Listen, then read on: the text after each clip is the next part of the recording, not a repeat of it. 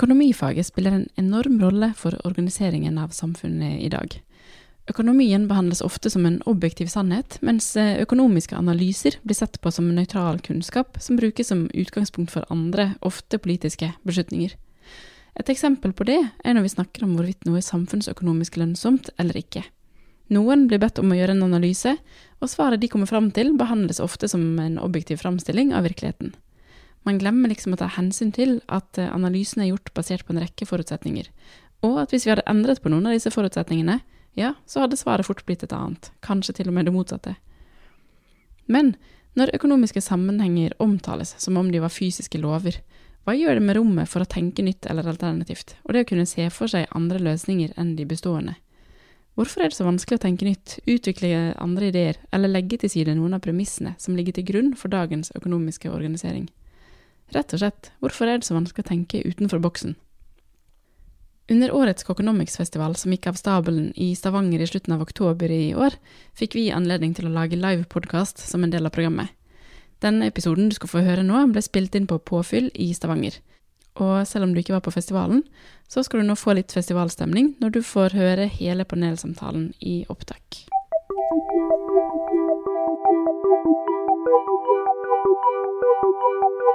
There is no alternative. There is no alternative.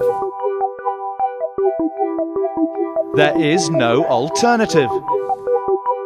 No, no, no.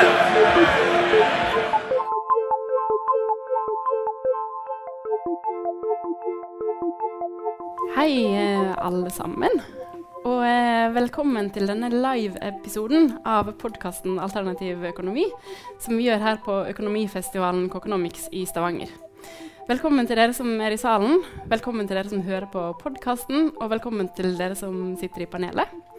Mitt navn er Reidun Gjengedal, og det er jeg som skal være podkastvert her i dag. Men eh, podkasten eh, lager jeg sammen med min søster Kjerstin, som sitter her og fotograferer. Vi har kalt eh, podkasten en podkast om alternative om økonomiske løsninger for en bedre verden. Og den begynte vi å lage fordi vi så hvor stor plass økonomifaget har i samfunnet og i politikken, men hvor lite den egentlig blir diskutert. Så vi hadde lyst til å skjønne litt mer sjøl, men vi ville også vise fram at det finnes alternativer til den tradisjonelle tenkingen. Både i teori, men også i praksis. Og Noe av det samme er utgangspunktet for samtalen vår i dag, når vi nå skal snakke om hvorfor det er så vanskelig å tenke utenfor boksen.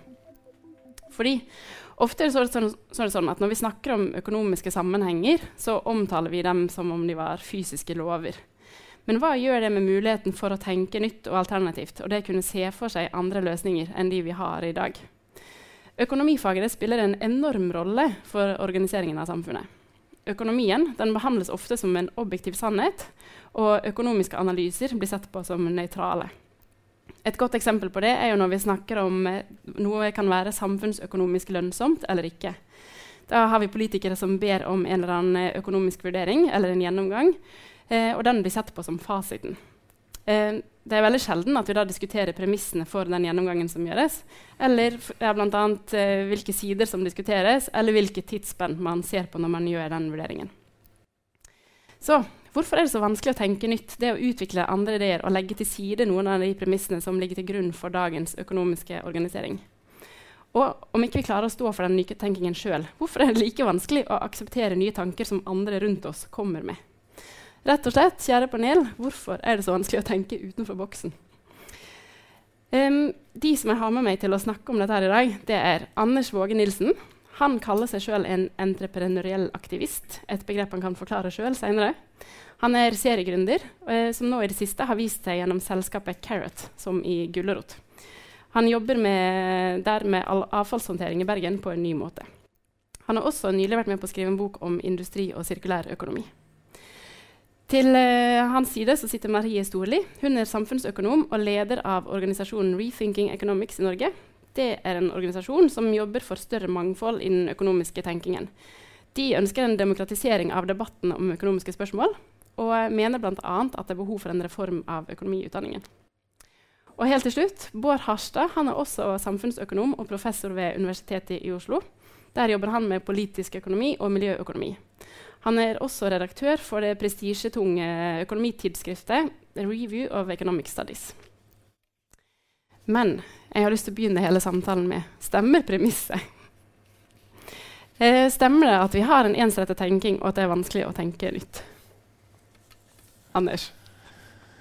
Nei, altså De som jobber innenfor akademia, kan kanskje svare bedre på det, siden de kjenner litt sånn på, på dette tettere. Men, eh, men eh, jeg er, det er jo et spørsmål om endringens natur. Altså Hvordan endrer liksom idéverden seg, og det, hvordan skjer et paradigmeskifte? Altså, vi er det jo veldig lett så vi sikkert kommer inn på å drive med sånn litt sånn lineær fremskrivning av, av trender, mens uh, i veldig mange endringer skjer jo som sånne tipping points når, når liksom bevisbyrden har bygget seg opp, og de alternative ideene har fått liksom slå rot tilstrekkelig mange steder og, og, og har fått virke over, over en viss tid. Mm. Så jeg er ikke helt sikker på om premisset stemmer. Det kan godt hende at vi, vi, det er en eller annen stor liksom, tankerevolusjon ta- tankerevolusjon på gang. Kanskje på linje med det som, eh, den tankerevolusjonen som oppsto etter at eh, byene vokste frem i, i forbindelse med den første industrielle revolusjonen. Mm. Eh, det er jo mye av de på en måte, teoriene som fortsatt på et eller annet vis svever eh, over vanna i, i, i dette spørsmålet. her. Ja. Marie, er, du enig i utgangspunktet? Ja, altså jeg vil jo eh, ja, eh, si meg enig i at det, det er vanskelig å, å tenke utenfor boksen. Nå er det jo på en måte akkurat det her med hva er boksen, og, og det, hva slags nivå er det vi snakker om. Er det politikken eller økonomifag og sånne ting? Så er det jo på en måte som Rethinking Economics og økonomifaget kan eh, på en måte eh, si mest om. Men, men der har det jo vært vanskelig å tenke utenfor boksen. Og det, det, eh, de politiske eh, måte, eh, vanskelighetene med å tenke utenfor boksen det henger jo i stor grad sammen med da, eh, denne boksen som, som finnes i økonomifaget, og som er ganske, ganske smal. Eh, men, men hvis vi kan ta liksom, et lite steg tilbake og, og tenke hvorfor, hvorfor stiller man i det hele tatt dette spørsmålet? da, hva er Hvorfor må vi tenke utenfor boksen? Så er det jo kanskje eh, den bærekraftsutfordringa som vi står i, og grønn omstilling og sånne ting, som gjør at vi, vi nå er nødt til å tenke utenfor boksen. Um, og da skal ikke jeg si at det er økonomifaget sin feil at vi har kommet dit som vi er, men altså, mennesket er jo eh, glad i sine vaner, og vi har våre måter og rutiner å gjøre ting på. Men nå står vi i en eh, ganske unik historisk situasjon da, der vi faktisk ikke kan fortsette på den måten eh, som vi har gjort siden Mm. den industrielle revolusjonen. Mm. Um, og det, det er vanskelig for oss. Mm. Ja. Jeg tror Før Bård får svare, så har jeg lyst til å legge til et tilleggsspørsmål til det. Spesielt dere som er økonomer, kanskje. Om dette med at problemene med å tenke utenfor boksen. Er det økonomen sin skyld, som hevder sin stand her? Eller er det oss som er ikke-økonomer, som eh, godtar alt dere økonomer sier? Bård? Ah, det meg? Var meg? Ok, da burde jeg fulgt med. um, jeg, jeg, jeg er i grunnen uh, litt uenig i at, eh, at det er en enormt stor boks som økonomi har. Uh, og, og det er veldig mye tenking utenfor boksen. Men man må huske at folk har tenkt lenge og mye før. Og det er mange, mange smarte mennesker som har tenkt. Så hvis man kommer på en helt ny idé som man ikke har lest om eksempel på pensum før, så er det mest sannsynlig er det ikke at ingen har tenkt på den her før. Men noen har tenkt på det og funnet ut at dette er ikke eh, verdt å gå videre med. Så eh, de fleste liksom, komplett nye ideer man har, eh, er antageligvis ikke de beste ideene. I dag hadde jeg eksempel ideen at det forrige debatt jeg var på, så gikk jeg på rulleski. Jeg fikk ikke plass til tog, øh, flyet på den sykkelen på toget, så jeg gikk på rulleski. Tenkte det var en fantastisk idé, for da kunne jeg komme fortere. Det var ikke så lange avstander likevel. Men eh, komme fortere gårde. Hvorfor tenkte ikke alle på dette? Det var en genial outside of the box-idé. Før jeg fant ut at det her var det mye bakker og brostein. Så det var kanskje noen har tenkt på ideen, men grunnen til ikke så masse folk på rulleski, det var for at det var ikke noen god idé. sånn. så, så litt, jeg tror det er litt sånn at det, eh, eh, det er vanskelig De fleste gode ideer man har, eh, som er utenfor boksen, eh, eller tilsynelatende gode ideer det, det er vanskelig å komme på gode ideer som er både utenfor boksen, tilsynelatende gode, men faktisk gode til slutt. som veldig mange forskningsprosjekter for eksempel, som man starter, eh, bør man legge fra seg til slutt. Mm. Marie? Ja, det her er jo et uh, område der jeg og Bård er, er litt uenige. eh, fordi Um, og jeg har jo studert uh, miljøøkonomi, og Bård var min uh, foreleser. Uh, og det er mye bra i, i, miljøøkonomi på den måten, som man kan bruke for å forstå bærekraftsutfordringer og hva vi skal gjøre fremover. Men det er en del ting som, som miljøøkonomi dessverre er ganske dårlig på å forstå.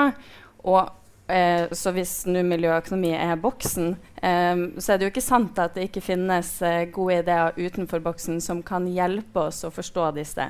Um, og hvis man på en måte skal ja, Vi må på en måte ta et eksempel for at det mm. skal bli klart. Men, men i miljøøkonomi så er det jo sånn at forurensning og CO2-utslipp og sånne ting alltid vil være en eksternalitet, fordi at man har antatt at økonomien er et lukka system. Um, og det tillater deg å, å tenke om eh, samspillet mellom økonomi og natur på en viss måte. Eh, og det kan sikkert ta deg et stykke på vei. Eh, men for å på en måte komme helt i mål og forstå hvordan er det disse her tingene fungerer i naturen, så må du jo være villig til å lytte til kanskje naturvitenskaper. Det fins jo en retning i økonomifaget som heter økologisk økonomi, eh, som er bedre innretta for å forstå de tingene mm. der eh, mainstream miljøøkonomi på en måte stopper opp. da, For at det er eksternt, det ligger utenfor modellen. Um, så, så, der er jo vi litt uenige uh, om uh, måte, hva boksen eh, skal inneholde. Mm. Mm. Som betyr at det også er uenighet blant økonomene da, om hva boksen er, og hva de gode nye ideene ja. er. Ja, mm. Det hører med til uh, debatten her.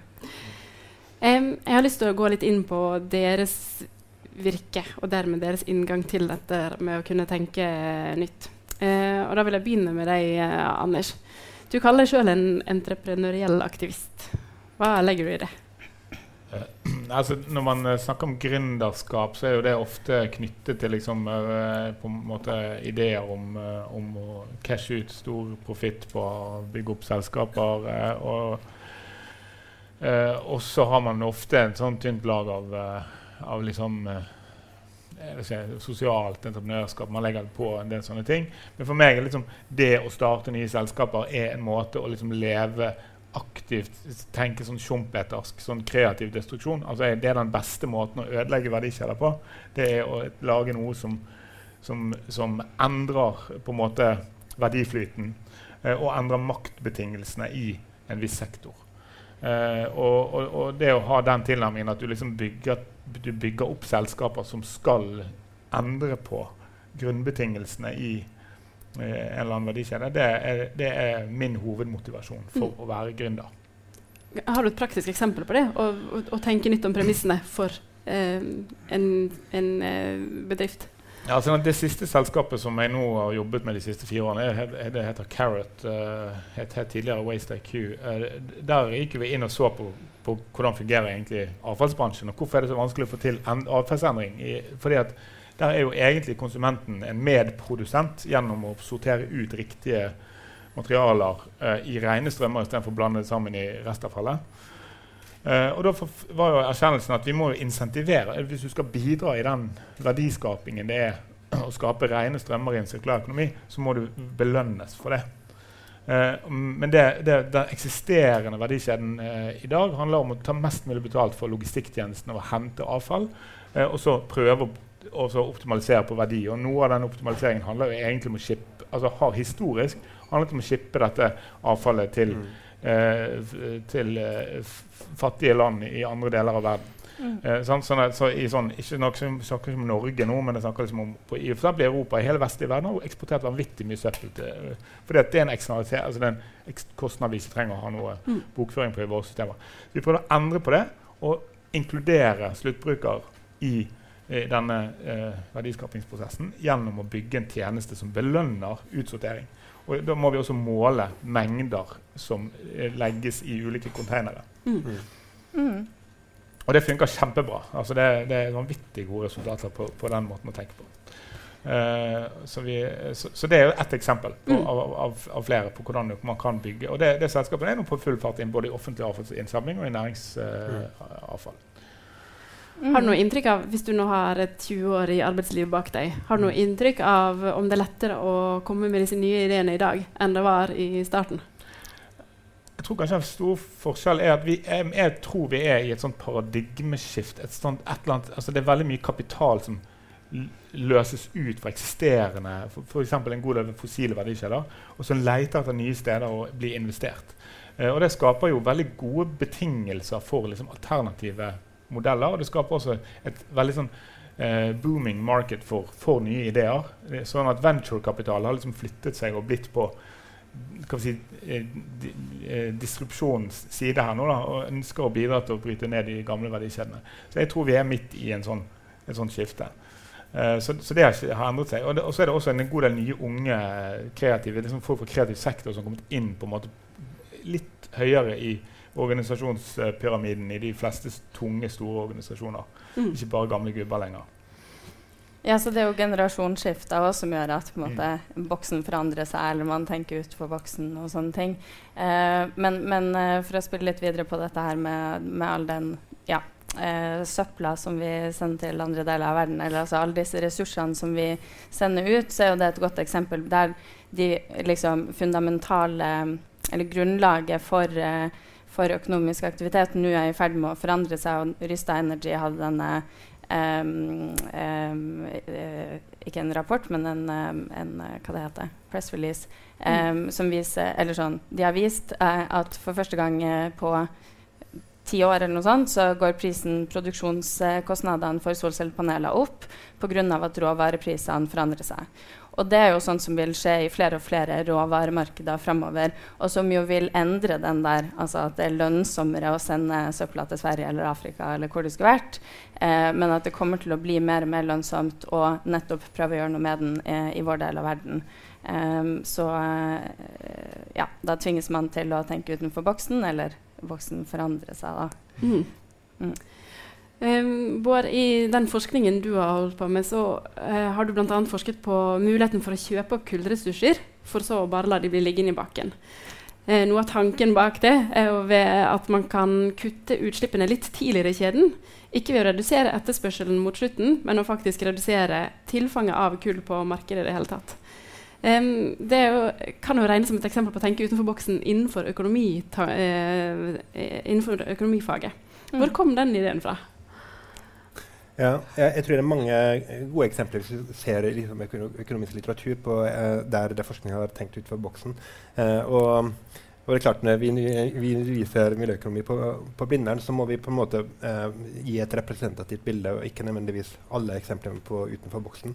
Men, eh, Ja. men eh, eh, hvis, for å svare på, på det, da, så tror jeg at det, det er vanskelig eh, å tenke på boksen etter du har vært for lenge i boksen. Hvis, du, eh, eh, hvis jeg har en em, jeg var ikke veileder for Ma- Mare, men hvis jeg har eh, studenter som er veiledere på master eller på doktorgrad, og de har en idé, så sier jeg at ikke gå til litteraturen, ikke gå til litteraturen, ikke, ikke les, ikke les. Ikke les, ok? Ikke gå og søke opp litteratur på dette området. her, for Så fort man gjør det, og spesielt hvis man begynner å lese for mye, så havner man fort i sånn der eh, Og det er, for å svare på det aller første, første spørsmålet ditt, så er det en grunn til at det er vanskelig å tenke for, utenfor boksen, eh, er at når du, når du har satt deg liksom og skjønt at ja, sånn er det, det dette var en bra løsning, var, eh, så er det fort gjort at man bare følger samme tankegangen. Så hvis man skal ha nye ideer på mastergrad eller doktorgrad, så bør man i mitt råd ikke les relatert litteratur. Du kan lese urelatert litteratur, men ikke relatert litteratur, for da havner du fort i Du må, må gjøre det før eller senere, men ikke med en gang. For at det er lettere å tenke utenfor boksen med en gang. Så eh, den artikkelen du nevnte, det var min første artikkel på miljøøkonomi. Da hadde jeg drevet med andre ting. Og en, en ting som jeg hadde eh, tenkt på, for eksempel, da, det var Norge betaler jo eh, Nå har jeg betalt mange land for å la skog stå.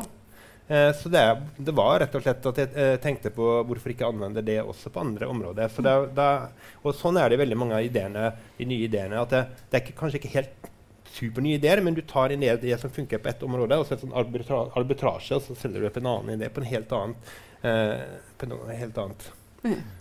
Maria, har du en reaksjon på det? Jeg har bare lyst til å, å fremheve at dette er jo et eksempel på en, eh, en sak der vi er enige, siden jeg i sted var litt, eh, var litt uenig. Men nettopp det her med at man formes jo eh, veldig av det man leser. Og det er jo et eh, av eh, måte, utgangspunktene til oss i Rethinking Economics at eh, man selv om det, eh, det er mulig å, å, tenke utenfor boksen når man kommer til forskningsnivå eller doktorgrad, og sånne ting, det er ofte det man møter når man er økonomistudent og sier jeg skulle gjerne lest noe annet enn bare den nye nyklassiske læreboka. Og så får man høre nei, nei, men da må du bare vente til du kommer på master. Og så kommer du på master, og så er det igjen en uh, ny klassisk lærebok, og så sier de ja, men når du kommer på doktorgrad, da er det viktig.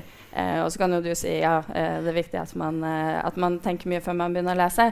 Men, men, det som vi ønsker oss, er jo nettopp at studenten på grunnleggende nivå, når man kommer inn i økonomifaget, at man allerede der leser ulike typer litteratur, sånn at man blir trent hele veien i å tenke eh, på ulike måter å tenke på alternative løsninger. Og en viktig del av det å tenke utenfor boksen er jo nettopp det å kritisere. Ikke sant? Mm. Og det gjør man jo i økonomifaget. Det skal absolutt ikke påstå at man ikke kritiserer i den uh, undervisninga som, som, vi har. Eh, men litt av utfordringa er at du må på en måte også ha et alternativ for å kunne kritisere. For det er veldig vanskelig Hvis du bare kjenner én måte å se verden på, så er det ganske vanskelig å kritisere den um, uh, på, på, det grunnleggende nivået. Da. Og liksom gå dypt inn i hva det egentlig er, så blir kritikken fort veldig sånn overfladisk. Fordi at du har bare ett sett med briller, liksom. Mm. Um, så det er jo en del av vår uh, kampanje, da. Uh, å få flere typer ja, litteratur og, og, måter å tenke på inn på pensum på bachelornivå. Mm. Hvordan vil du si at arbeidsforholdene deres er? Nå spurte jeg Anders hvordan det var for, tilbake i tid og, og, i dag. Men merker du noen forskjell? Får dere noen reaksjoner som er annerledes i dag enn før? Eller får dere noe innpass? Um, ved universitetene, tenker du? Ja, der har det nok forandra seg en del fra da Rethinking Economics er jo en ganske ung organisasjon, så det er jo på en måte eh, Vi har ikke den, eh, det liksom lang sikt å snakke om her. men men, eh, men, da vi um, eh, starta opp, så var det nok uh, i, i, utgangspunktet uh, litt sånn her en slags uh, følelse av at Rethinking Economics bare handla om å kritisere nyklassisk økonomi, og at vi var en gjeng studenter som mente at all, alt økonomifaget drev med på, på de etablerte institusjonene, var feil. Mm. Eh, og så har vi brukt eh, hvert fall jeg føler da, at vi har brukt ganske mye tid på å prøve å si at det er absolutt ikke det som er vår eh, kampanje. Jeg er ikke imot eh, mainstream økonomi, jeg ønsker bare å åpne litt opp for noe annet i tillegg. Og det føler jeg for så vidt har fungert, um, og at vi i økende grad blir på en måte akseptert på det at um, økonomiundervisninga burde vært mer innretta mot å forstå den virkelige verden og det som foregår i økonomien. Mm. Um, så akkurat det har jo forandra seg uh, i en positiv retning for oss. da. Mm. Mm. Eh, bare jeg har lyst til å komme innom tidsskriftet også, hvor du er redaktør. Um, fordi jeg lurer på Dere får eh, forslag fra flere hundre artikler hvert år eh, som kommer med et ønske om å få publisert sin artikkel i deres eh, tidsskrift.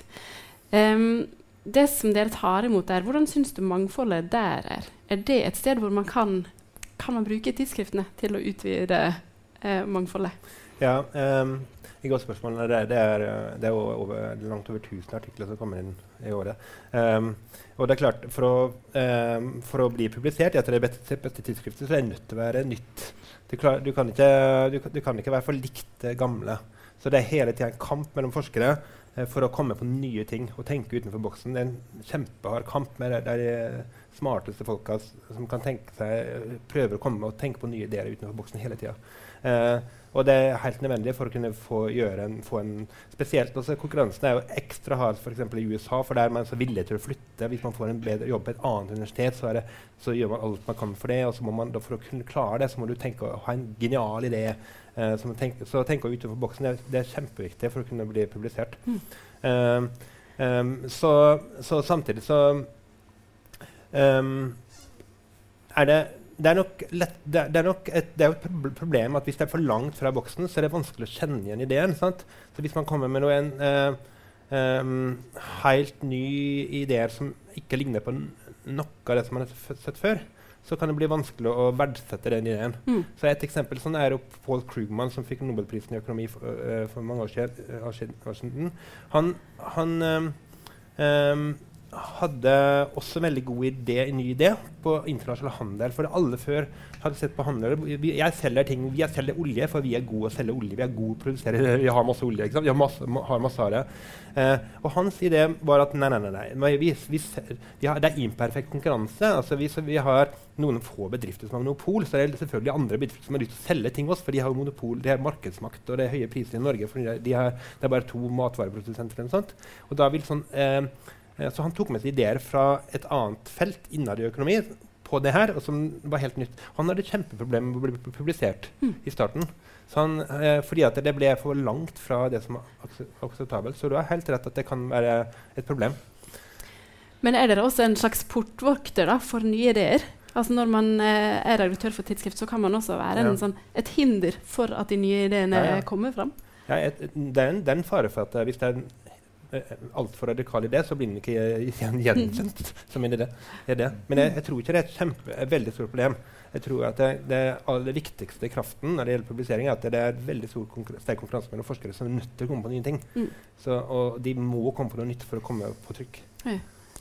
Anders, Um, tilbake til dette eh, Eller i forlengelsen av det de snakker om nå, men også tilbake til et av de første spørsmålene. Er det økonomen sin skyld at ikke vi ikke-økonomer får plass til å komme med de nye ideene? Eller er det vi som også som ikke benytter oss av den plassen som kanskje faktisk er der? da? Eh, altså jeg tror ikke, Det er liten tvil om at, at økonomifagets på en måte grunnteser og grunnpremisser og grunnforutsetninger har preget tenkningen på veldig, på, i veldig mange områder. F.eks. på knyttet til, eh, til, eh, til, til, ledelsesteori. Eh, og, og, også preget på en måte styringsmodeller for veldig tunge maktstrukturer i samfunnet. Det er det ingen tvil om. Og, og, og der er nettopp som Marie inne på dette med hva er innafor Når du snakker verdiskaping, sant, så er det på, på, en måte et tall som skal endre seg. og så består det tallet av, og så er det noen tall som ikke er inkludert i det regnestykket, som på en måte ligger i et annet regnestykke som ingen egentlig tar ansvar for. Så det som går på eksternaliteter, har jo kommet inn i økonomifaget liksom med større og større kraft. Eh, og det blir et større og større åpenbart problem som, som på en måte man nå tar tak i. Uh, og jeg synes jo det er for jeg, synes jo det, jeg, synes, jeg, jeg, jeg, er jo veldig ustudert, for å si det mildt. Men jeg liker å lese forskning. Og jeg liker også å prøve å se på f.eks. Homo economicus' premisse.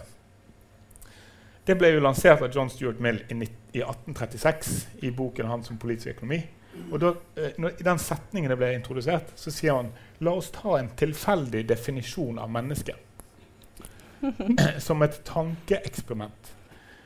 Eh, sier han det. Mm. Som ett av flere mulige tankeeksperiment. Så la oss si at mennesket fungerer på denne måten. Det var konteksten der det begrepet oppsto. Men det var, det var, veldig praktisk, for det, da er det mulig å lage en slags matematikk av menneskelig atferd. Eh, og så har man jo utviklet dette og blitt mye, altså det, og man har selvfølgelig korrigert dette med masse sånne atferdspsykologiske eh, eh, eksperimenter og alt mulig sånt. Men, men, men det ligger eller annet, en eller annen sånn kjerne av noe som er sånn det, det, altså det, hele, det iallfall en, en del av økonomifaget da, som er en sånn teoretisk konstruksjon på, basert på noen sånn grunnforutsetninger som jeg stiller meg veldig skeptisk til. Uh, uh, og som jeg, uh, altså jeg syns det er interessant. Jeg, jeg, er mer sånn på utsiden og prøver å se og så prøver å lete etter andre innfallsvinkler. Hva skjer hvis jeg endrer Jeg er liksom designtenker. Sant? Hva skjer hvis jeg endrer premisset sånn og sånn? Og så finnes det jo sånne det finnes jo teoretikere som har kommet opp med det som er Eh, eller liksom eh, homoresiprokans, som er liksom det gjenytende mennesket. Og så sier de på Men det kan vi også modellere matematisk, og vi kan bygge opp noen helt alternative teorier. Og mm. det er jo forankret i faktisk atferdsøkonomisk forskning. Altså Det er jo liksom det mennesket som, det, som opp, slik det opptrer i eh, eh liksom, eh, det der ultimatum game-eksperimentet. Uh, så, så, så, jeg syns det er mye mer interessant. Og av og til så savner jeg det. For jeg ser i hvert fall i organisasjonsteori og mye den gammeldagse ledelsesteorien som jeg har vært utsatt for også som arbeidstaker, uh, som prøver å motivere meg, men som gjør det motsatte. Sant? De forstår ikke meg som menneske. Helt åpenbart. Uh, så der er det nok åpenbart noe i økonomifaget som har en sånn, skapt en sånn sporavhengighet som jeg, jeg tror er usunn. Mm. Det med Homo economicus er jo et veldig godt eksempel. Da, fordi at måte, Alle økonomer vil jo være enig i at mennesket har et bredere spekter av liksom, eh, ja, atferdsmønster og måter å tenke på. Og anerkjenne at vi er sosiale vesen som eh, former våre omgivelser og blir forma av de. Um, uh, sånn at dette her er rasjonale homo economicus beskriver sånn som du sier, en ganske smal del av, av det som er uh, menneskets natur. Uh, men det at det har blitt så dominerende, henger jo sterkt sammen med ønsket om at økonomi skal være formalistiske modeller, altså at man skal bruke matematikk for å beskrive den økonomiske virkeligheten.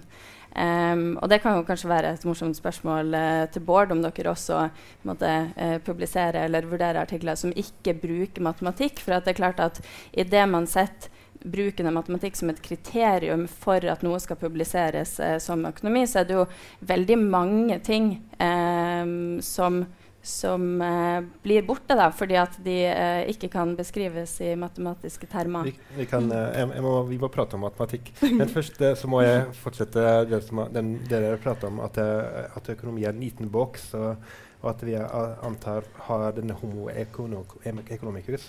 Uh, og jeg vil si at slik er det ikke. Det er økonomi, økonomifag er en kjempestor boks. Eh, og, hvis, hvis, og, økonomer blir ofte kritisert for at vi antar at folk er rasjonelle.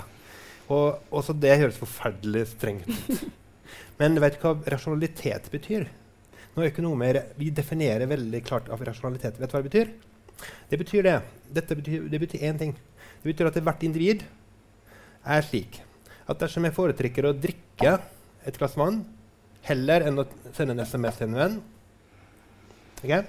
Si, jeg, jeg, jeg, har mer lyst til å drikke uh, vann enn å sende en SMS til en venn.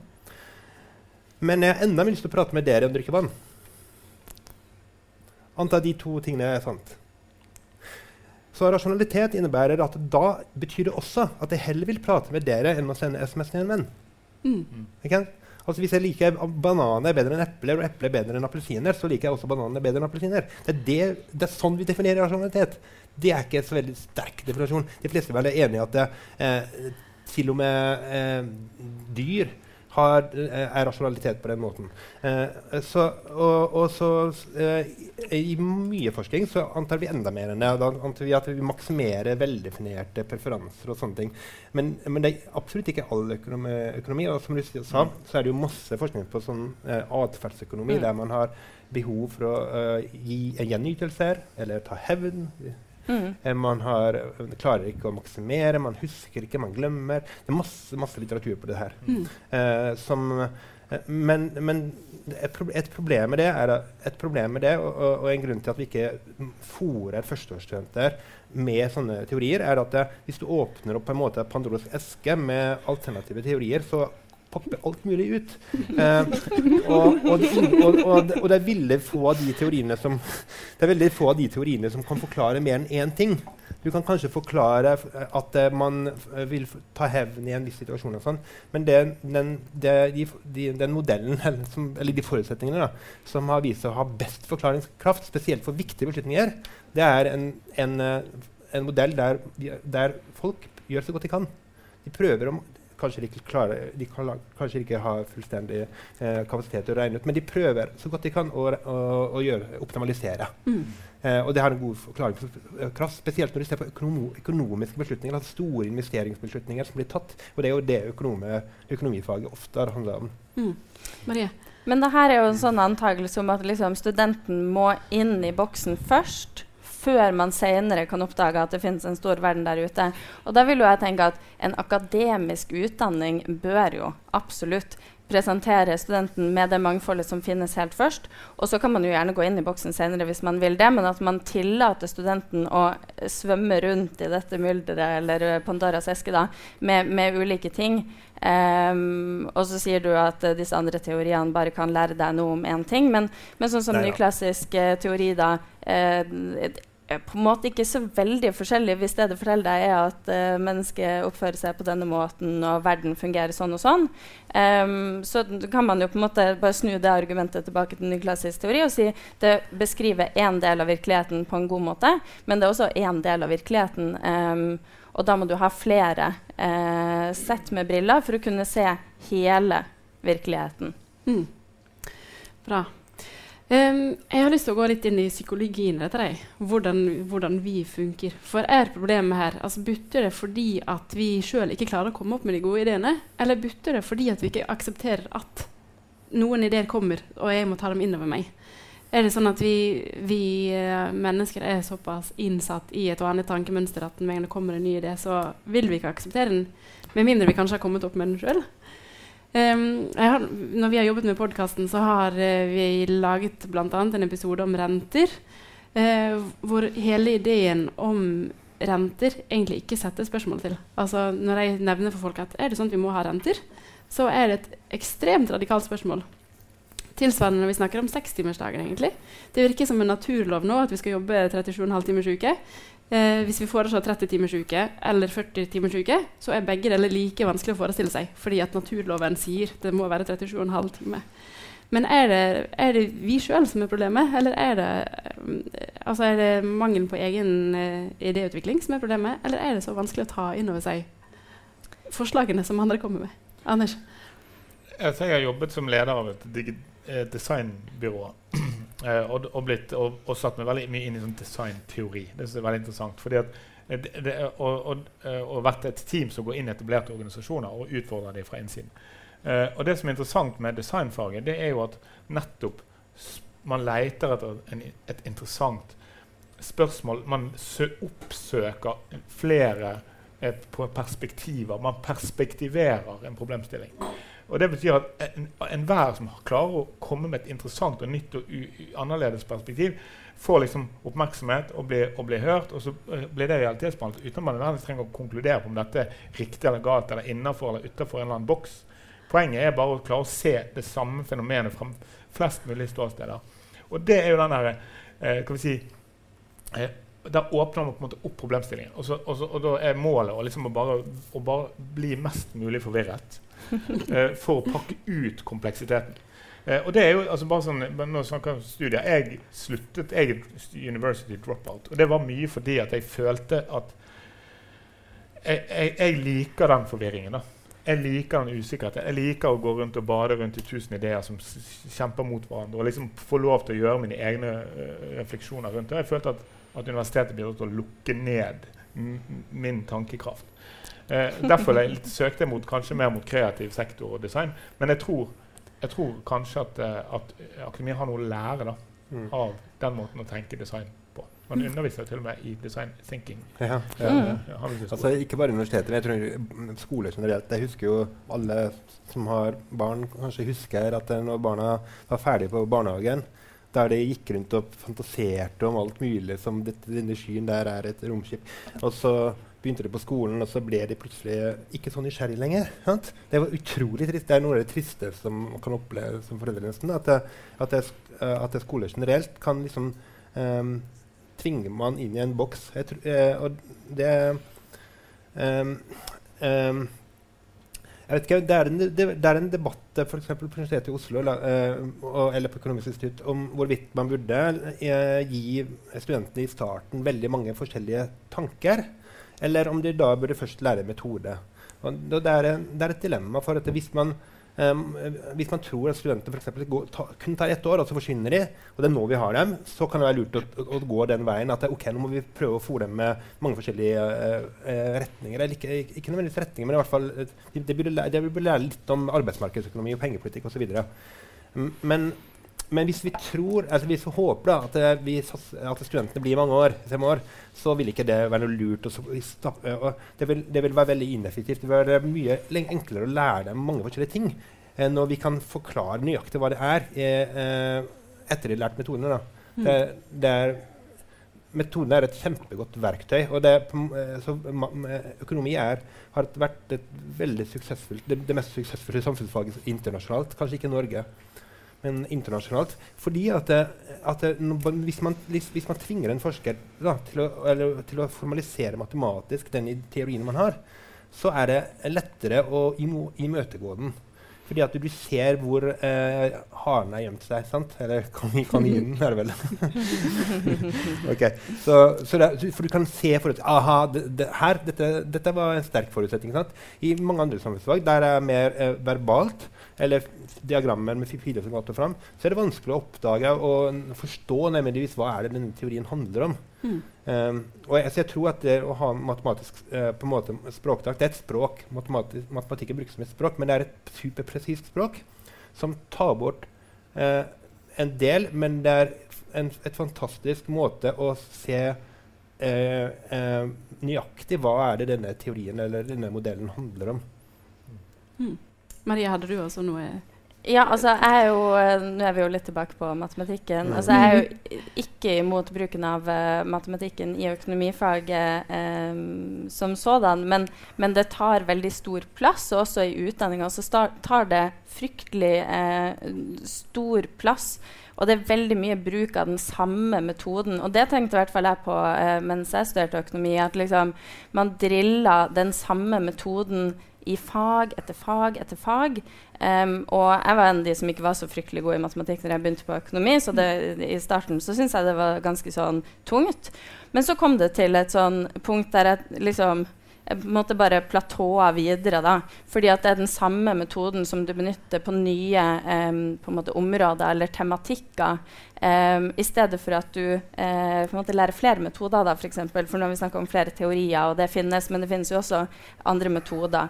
Em, og jeg tror det er dumt å tenke at eh, det å skulle forstå økonomien bare kan gjøre mat gjøres matematisk, nettopp fordi, sånn som jeg sa i sted, det er noen ting som ikke kan beskrives med matematikk.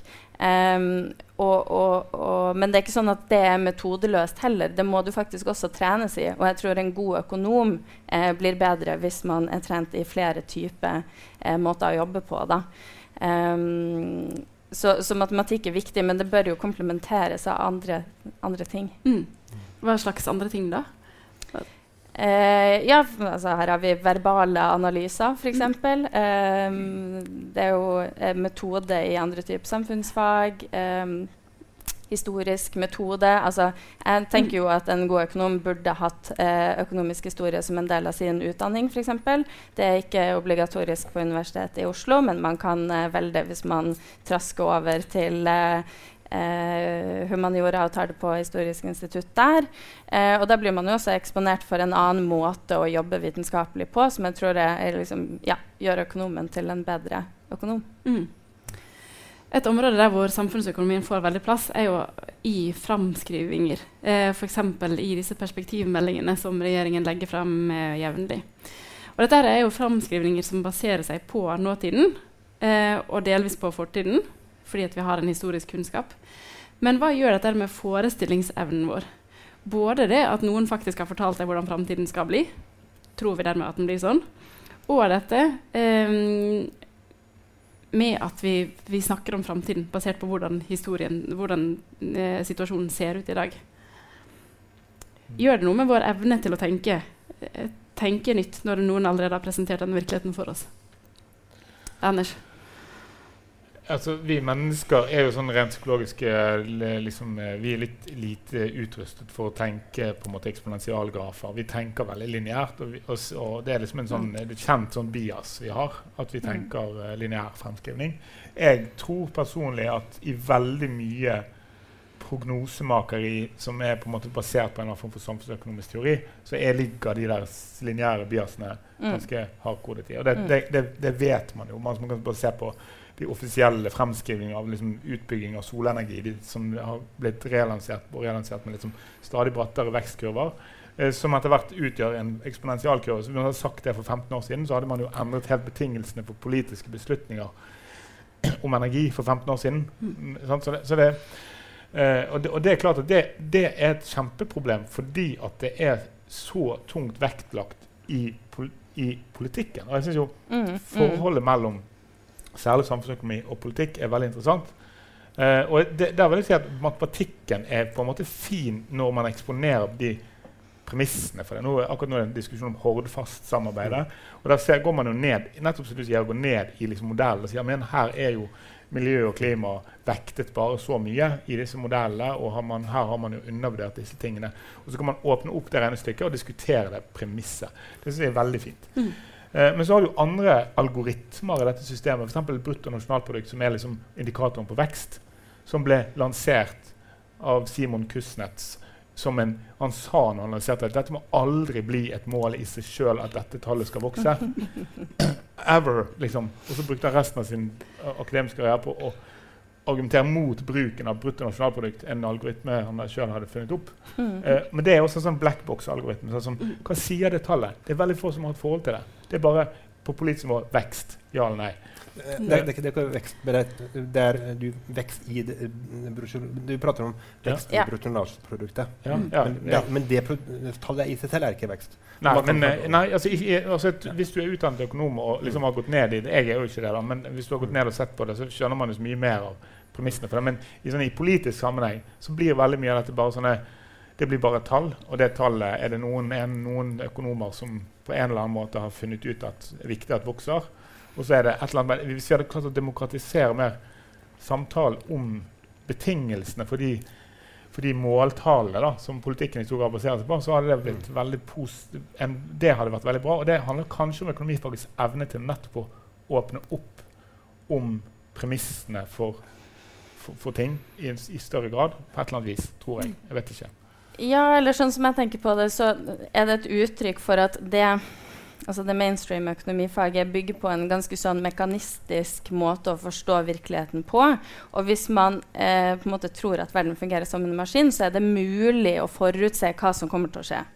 Men så er vi jo på en måte eh, mennesker i en kompleks og dynamisk verden som jo faktisk ikke kan forutse eh, hva som skjer. Og sånn som du sier, det er jo en, eh, snarere en lineær approksimasjon som kan si noe om hvor vi er på vei.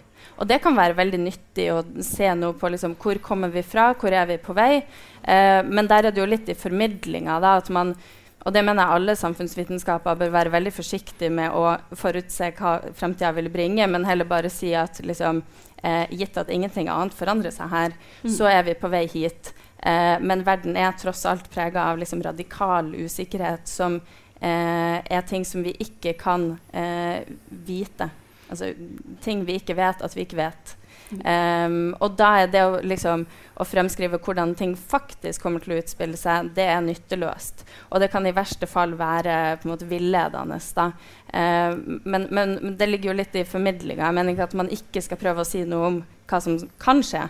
Uh, men heller være åpen om at eh, det er faktisk ikke sikkert, og det er ingen som kan vite.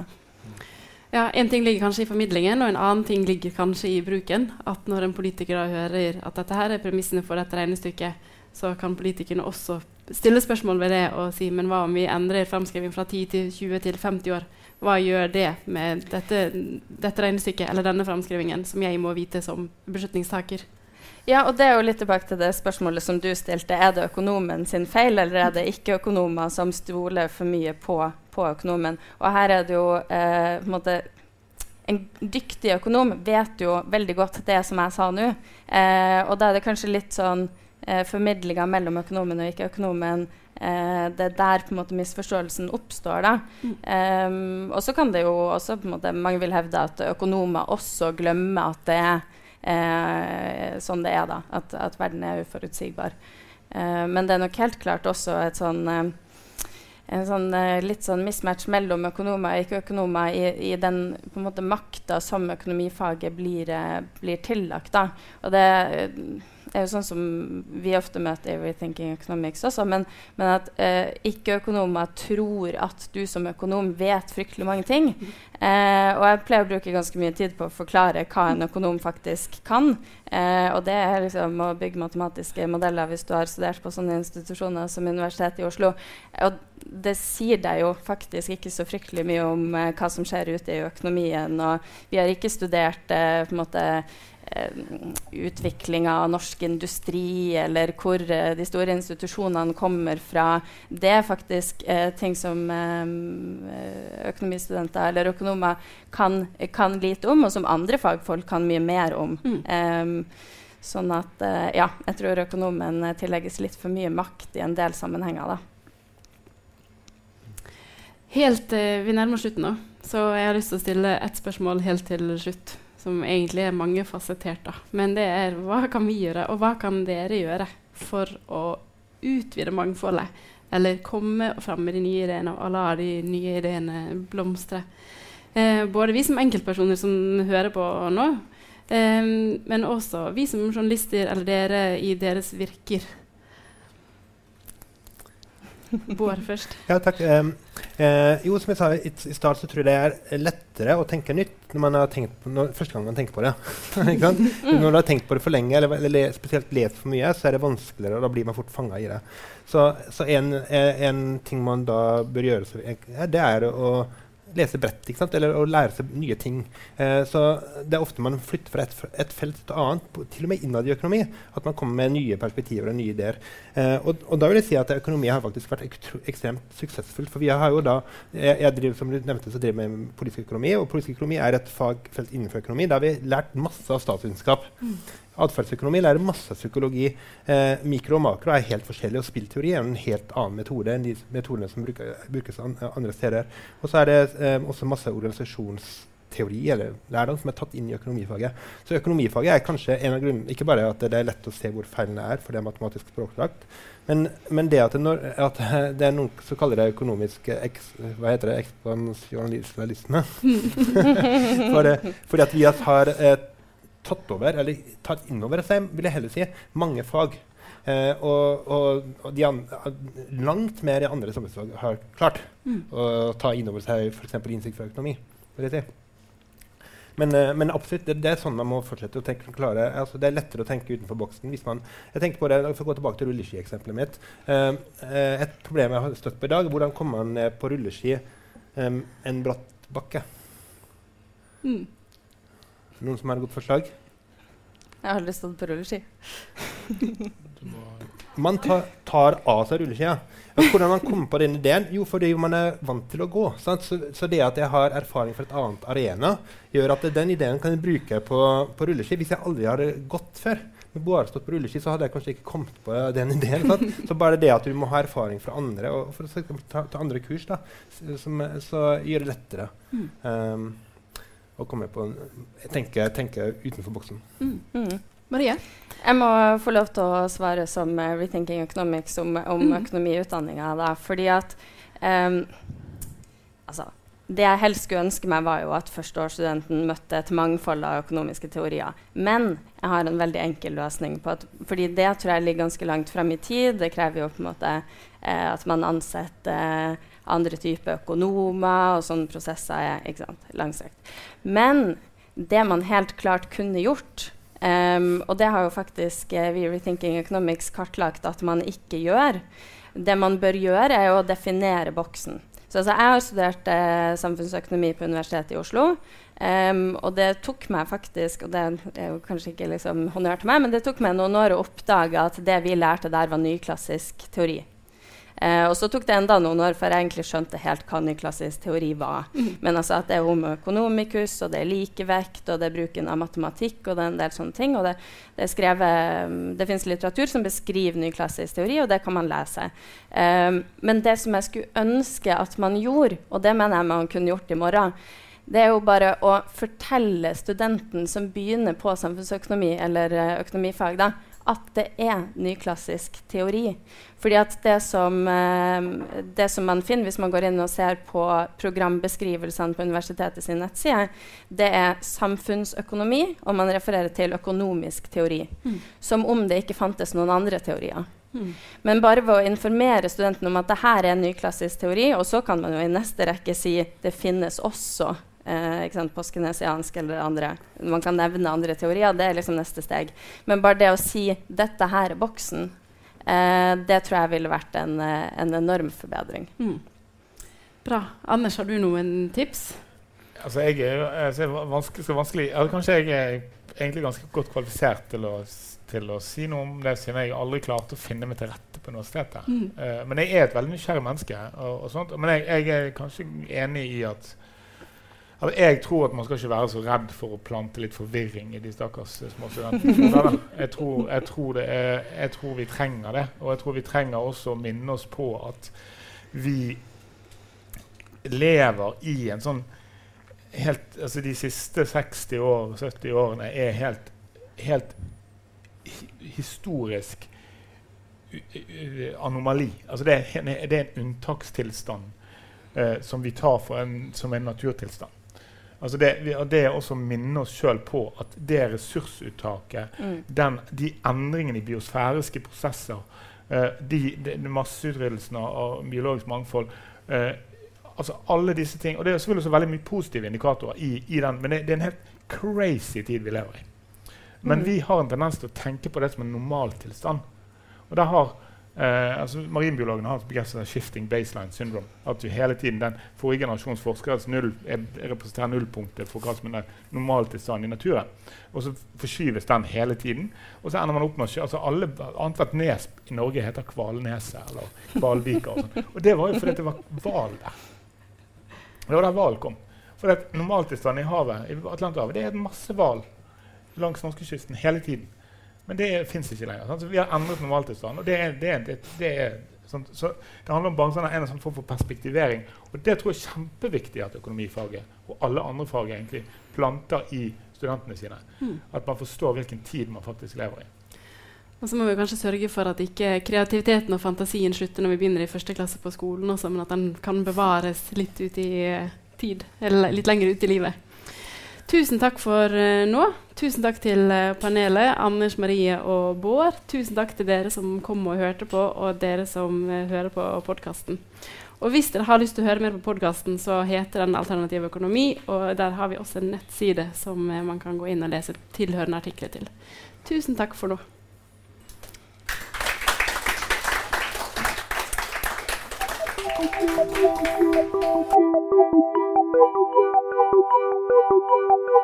There is no alternative. There is no alternative. There is no alternative. No, no, no. I podkastserien Alternativ økonomi leter vi etter økonomiske løsninger som kan være med på å skape en bedre verden. Nye episoder publiseres én gang i måneden. Du finner mer informasjon på nettsiden vår alternativøkonomi.no.